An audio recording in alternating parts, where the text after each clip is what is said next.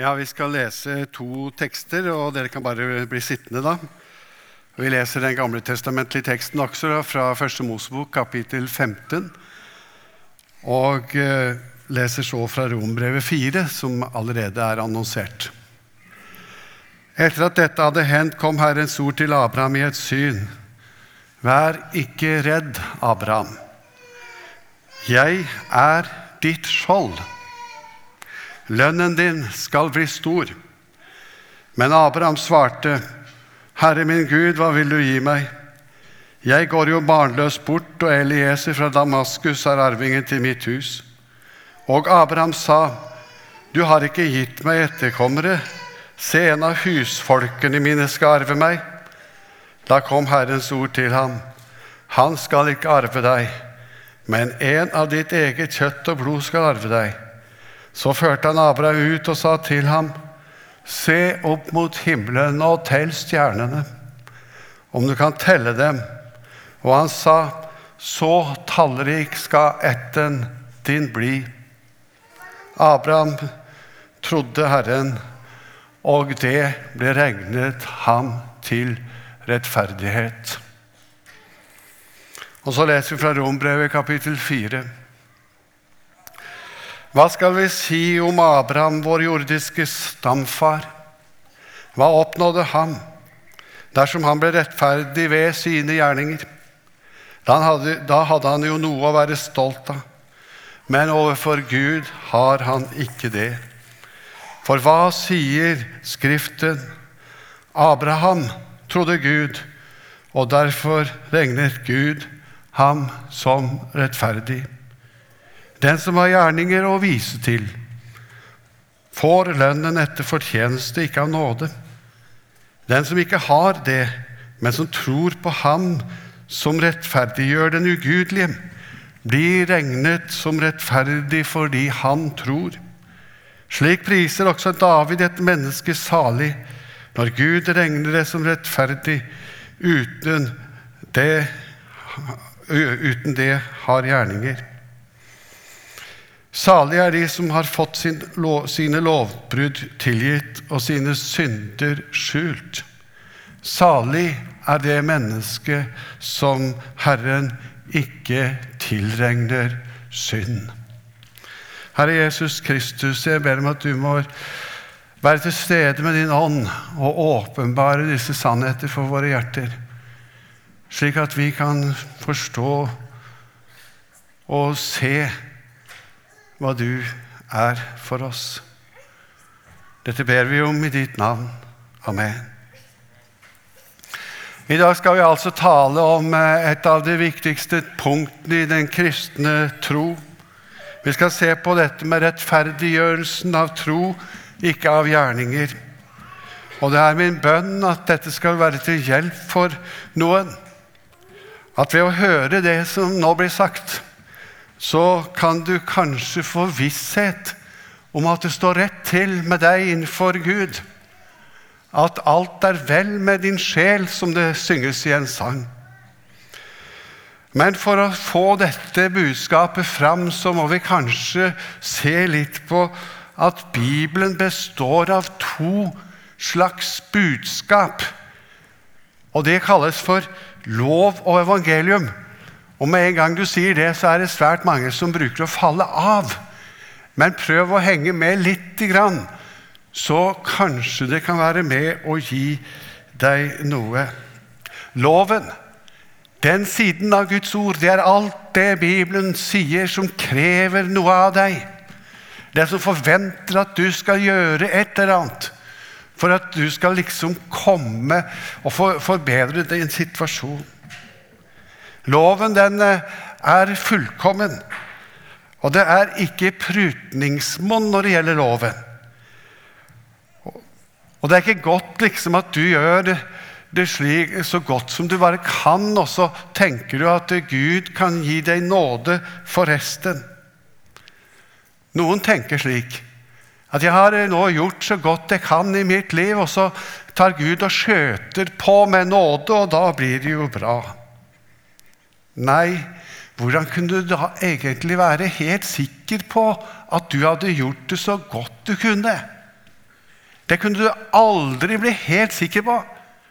Og du ville da aldri heller kunne ha visshet om at du hører Gud til. Du kunne ikke ha det som vi kaller for frelsesvisshet. Men evangeliet peker på et annet ord, et annet budskap.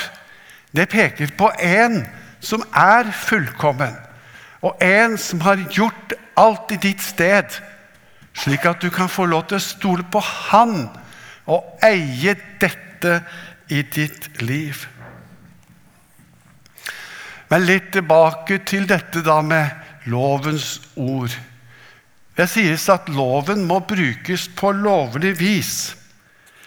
Det ble sagt om israelsfolket at de hadde et slør over sitt hjerte når loven leses. Og hva var dette sløret som de hadde over sitt hjerte? Jo, det var slik at de trodde og tenkte at ved, ved Guds hjelp så kunne de holde Guds lov, og de kunne fortjene frelsen. Det betyr altså at hvis du bruker loven på lovlig vis, slik som Jesus ville vi skulle gjøre, så betyr det at lovens krav det krever hele vår personlighet. Det betyr at du skal holde budene ikke bare utvortes, men i ditt hjerte. Loven krever fullkommenhet fordi Gud er fullkommen. Og den som snubler i en minste tanke, er skyldig i alt. Sånn forkynner loven. Og så fristes vi da på å liksom lette på kravene. Og hvis vi letter på disse kravene, da ender vi opp slik som fariseerne. Vi tror at vi kan komme holde loven og så komme til Gud på egen maskin. Men når loven brukes slik den skal, så gjør vi noen erfaringer. Vi erfarer at vi ikke strekker til.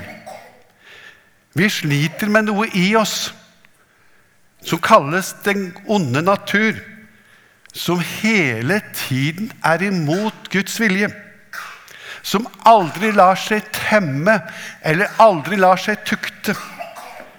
Og dette stenger oss ute ifra Guds nærhet og Guds himmel. Dette fører oss til at vi nærmest går åndelig konkurs. Kravet, det skylder Gud, blir så himmelvidt større og høyere enn det jeg kan klare å få til. Da går vi konkurs på oss selv. Og Bibelen bruker sterke ord om dette. Den sier at loven, den dreper meg. Den knuser meg på en måte. Jeg døde ved at jeg møtte de hellige krav. I disse dager så hører vi om et virus, koronaviruset. Og Vi har hørt, tidligere hørt om SARS-viruset og mange andre slags virus. Da må pasientene isoleres, slik at befolkningen ikke blir smittet. Og For å forstå dette bildet som jeg nå prøver å få fram om synden, så er den verre det er et verre virus på en måte som har plantet seg i våre liv. Og for at himmelen skal bli fullkommen, så må dette viruset, så dette synden, isoleres og fjernes. Ellers så ville ikke himmelen være fullkommen, og Gud ville heller ikke være hemmelig, eh, hellig. Derfor så er vi i oss selv uh, har vi ikke mulighet til å komme til Gud. Men er da alt håp ute? Nei, det er det ikke. Takk og lov. Og det er her det andre budskapet kommer inn, nemlig budskapet som kalles for evangeliet. Evangeliet det er ordet som på en måte kommer med glede til oss. Det er gledesordet som sier noe annet. Vi skal lese et par andre avsnitt i Rombrevet som illustrerer akkurat dette her. Og vi vet i Rombrevet 3 står det, vi vet at alt det loven sier, er sagt til den som har loven, for at hver munn skal tie og hele verden står skyldig for Gud. For ikke noe menneske blir rettferdig for Gud på grunn av gjerninger som loven krever. Ved loven lærer vi synden å kjenne. Da lærer vi synden å kjenne, og vi lærer oss selv å kjenne. Men, står det, og det er dette men som er så flott. Nå er Guds rettferdighet, som loven og profetene vitner om, blitt åpenbart uavhengig av loven. Dette er Guds rettferdighet som gis ved troen på Jesus Kristus til alle som tror. Her er det ingen forskjell. For alle mennesker er i samme båt. Alle har syndet og mangler Guds ære. Men ufortjent, ufortjent, uten at du har fortjent det, så og Hans nåde blir dere kjøpt eller kjent rettferdig, frikjøpt i Jesus Kristus. Han har Gud synlig, stilt synlig fram for at han ved sitt blod skulle være soningsstedet for dem som tror. Slik viste Gud sin rettferdighet. Og så står det lenger ned Men i vår tid vil han vise sin rettferdighet, både at han selv er rettferdig, og at han kjenner dem rettferdig som tror på Jesus. Hva kan vi da være stolte av? Hva kan vi rose oss av? Ingenting. Vi har ingenting å rose oss av. Ved hvilken lov? Gjerningens lov? Nei, troens lov. For vi hevder at mennesket blir rettferdig ved tro uten lovgjerninger. Og Det andre bibelavsnittet som jeg har lyst til å vise til, det er de tre-fire første versene i åttende kapittel i Rombrevet. Så er det da ingen fordømmelse for dem som er i Kristus Jesus. Kanskje livet ditt har gått i stykker. Kanskje du er en av de som har liksom stilt Guds krav framfor deg. Og så har du oppdaget at du strekker overhodet ikke til. Kanskje du har oppdaget om deg selv at du vil eh, egentlig ikke det heller. Det er noe riv ruskende gæle inni deg når det gjelder den åndelighet og hellighet og alt dette som har med Guds liv å gjøre. Alt er gått i stykker for deg. Og så fordømmer du deg selv, og så tror du at Gud han vil fordømme deg og kaste deg bort. Så sier Skriften, så er det da ingen fordømmelse for den eller dem som er i Kristus Jesus. For Åndens lov som gir liv, har i Kristus Jesus gjort deg fri fra synden og dødens lov. Det som var umulig for loven, vet du hva det var?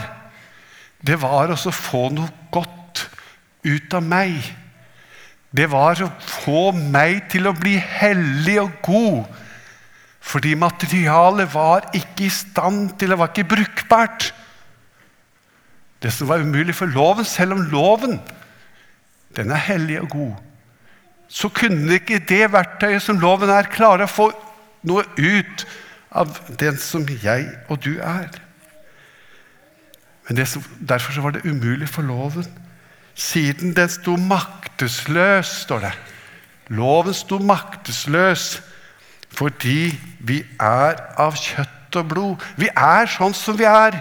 Derfor så kunne ikke loven, selv Guds hellige lov, klare å skape det som han skulle i våre liv. Men så sendte Gud sin egen sønn som syndoffer i samme slags kjød og blod som syndige mennesker har. Og holdt om over synden. Vet du hva det betyr? Det betyr at det kom en som blir menneske. Jesus Kristus. Og så gikk han inn og sa alt det Jan Erik Lere har gjort, det tar jeg på meg. Alt det du, og du kan sette inn ditt eget navn, har gjort og er, det tar jeg på meg. Og så gikk han der opp på korset, og så døde han sonet i vårt sted. Han tok vår plass. Og så sier han, 'Min rettferdighet, den er din'. Derfor så er jeg i dag hellig, ren og rettferdig i Kristus Jesus. Fordi han døde i mitt sted. Han tok min plass. Han bytta på meg. Og når Gud ser meg, så ser han den renhet som Jesus er og har gjort.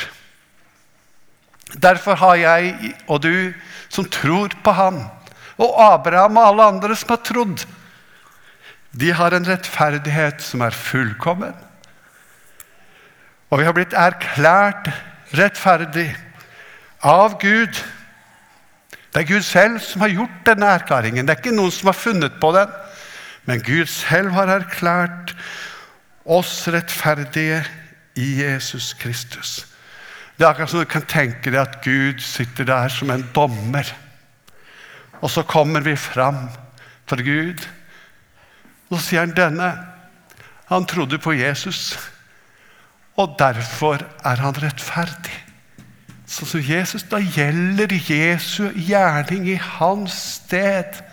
Og han er fri, han er fullkommen, han er hellig, han er ren, og han kan komme inn i mitt paradis. For synden er sonet, gjeld betalt. Du er fri. Guds sønn har sonet våre synder.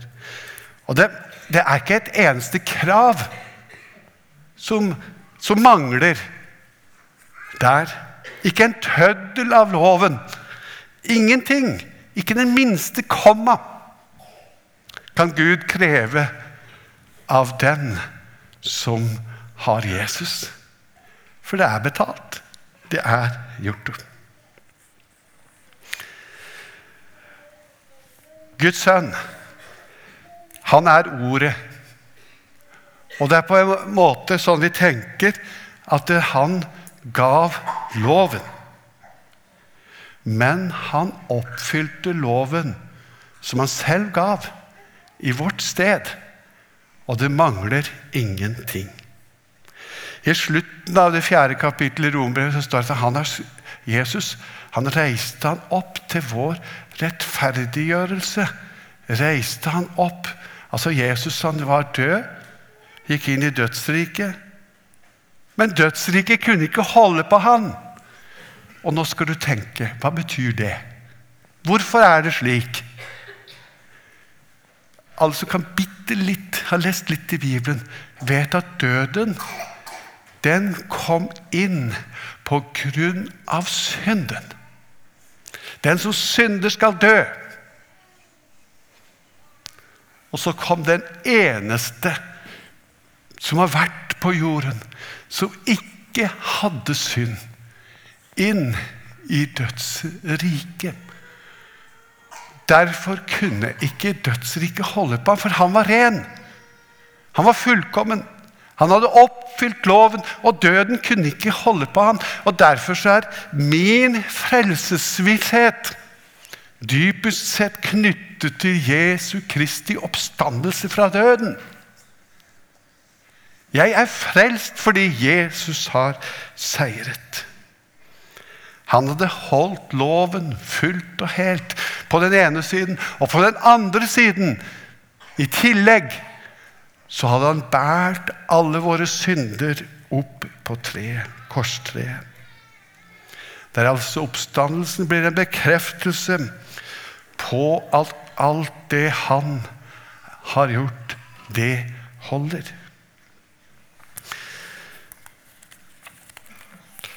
David han sa i dette avsnittet som vi allerede har fått sitert Salig er det mennesket som har fått sine lovbrudd tilgitt og sine synder skjult. Salig, det betyr å være lykkelig, heldig. Salig er det mennesket som har fått sine lovbrudd tilgitt. Salig er det menneske som Herren ikke tilregner synd. Er ikke det stort? Du skal få lov til, du som tror på den Herre Jesus Kristus, og regne med at du ikke blir tilregnet synd. Jeg har en historie fra jeg var, var en liten gutt, omtrent så så Jeg vet ikke hvor gammel du er når så høye, men kanskje fem år, seks år, syv år. Og jeg vokste opp i ganske små kår. Vi følte litt på fattigdom som betyr ved flere anledninger. Jeg husker jeg. Og En gang så gikk jeg ned til en Christian, som vi kalte han, på landhandelen på nedsiden av der vi bodde. Han eh, var en god mann på mange vis. Og jeg sto der i butikken som hadde sånn disk på den landhandleren. Og på den disken så sto det et glasskap på midten. Og i det glasskapet så var det så mye ting jeg hadde lyst på som en liten gutt. Og Jeg sto og kikka opp på det glasskapet. Der var det sjokolademus, og det var smørbukkarameller, og det var masse rart. Og jeg sto der og så og så. Og så ekspederte han Christian kunde etter kunde. Og så til slutt så var det tomt i butikken. Og så så han på den der gutten. Og så sa han det sånn på dialekta vår. Hå skal du ha da, gutten min? sa han. Og jeg stilte og så opp til han, og så sa jeg Je, sa jeg. Må ha noe gratis, jeg, sa jeg. Je må ha noe gratis, jeg, sa jeg. Og så ga han meg en tom pappask, husker jeg. Og det var da greit. Han Kristian var snill, han. Som jeg kunne leke med. Men jeg skal fortelle dere et hakk videre i dette. Noen år senere så fikk jeg en inderlig lengsel i mitt hjerte etter noe annet enn akkurat det som var en glasskap. Men jeg har hørt om en rettferdighet. Jeg har hørt om en hellighet. Jeg hadde hørt om en himmel. Jeg hadde hørt så mange fine ord både på bedehus og andre steder. Det gikk an å få noe. Og jeg prøvde å streve og finne ut av hvordan jeg skulle få dem. Så kom det et slags vekkelseslys inn i mitt hjerte, inn i mitt liv. Og jeg så der at jeg var fattigere enn noen gang. For jeg klarte ikke å få tak i en eneste en ting av disse himmelske karamellene eller gledene. Ingenting. Så ble liksom Guds lys kasta inn i mitt hjerte mer og mer. Og også den gangen så kjente jeg sto jeg der. Og så sa jeg til Gud Jeg må ha det gratis. Jeg må ha det Jeg har ingenting å betale med. Og da sto jeg framfor en som ikke ga bare en pappask. Men han har gitt meg alt. Han har gitt meg frelsen. Han har gitt meg hellighet, renhet, rettferdighet. Han har gitt meg himmelen. Han har gitt meg alt. Og jeg fikk det gratis. Og det gjelder for deg òg. Om du er her i dag som kjenner på det at jeg har egentlig ikke nok til å tilfredsstille Guds krav. Du skal få det gratis. For det er en annen som har betalt hele regningen for deg. Alt er betalt, og du skal få lov til å ta det til ditt hjerte. Og fryde deg over at i Kristus Jesus så eier du en rettferdighet, en hellighet, en ulastelighet, og det eier en alt du trenger. Det var jo litt av dette som blir oppfylt da. For når dette budskapet har gått utover verden, så er det millioner, ja milliarder, av mennesker som har fått ta imot dette i tro. Og på, i himmelen så skal det være en skare som priser lammet. Og den skaren skal være så stor at ingen skal telle den. Klare å telle den. Og da er løftet til Abraham, som vi leste om.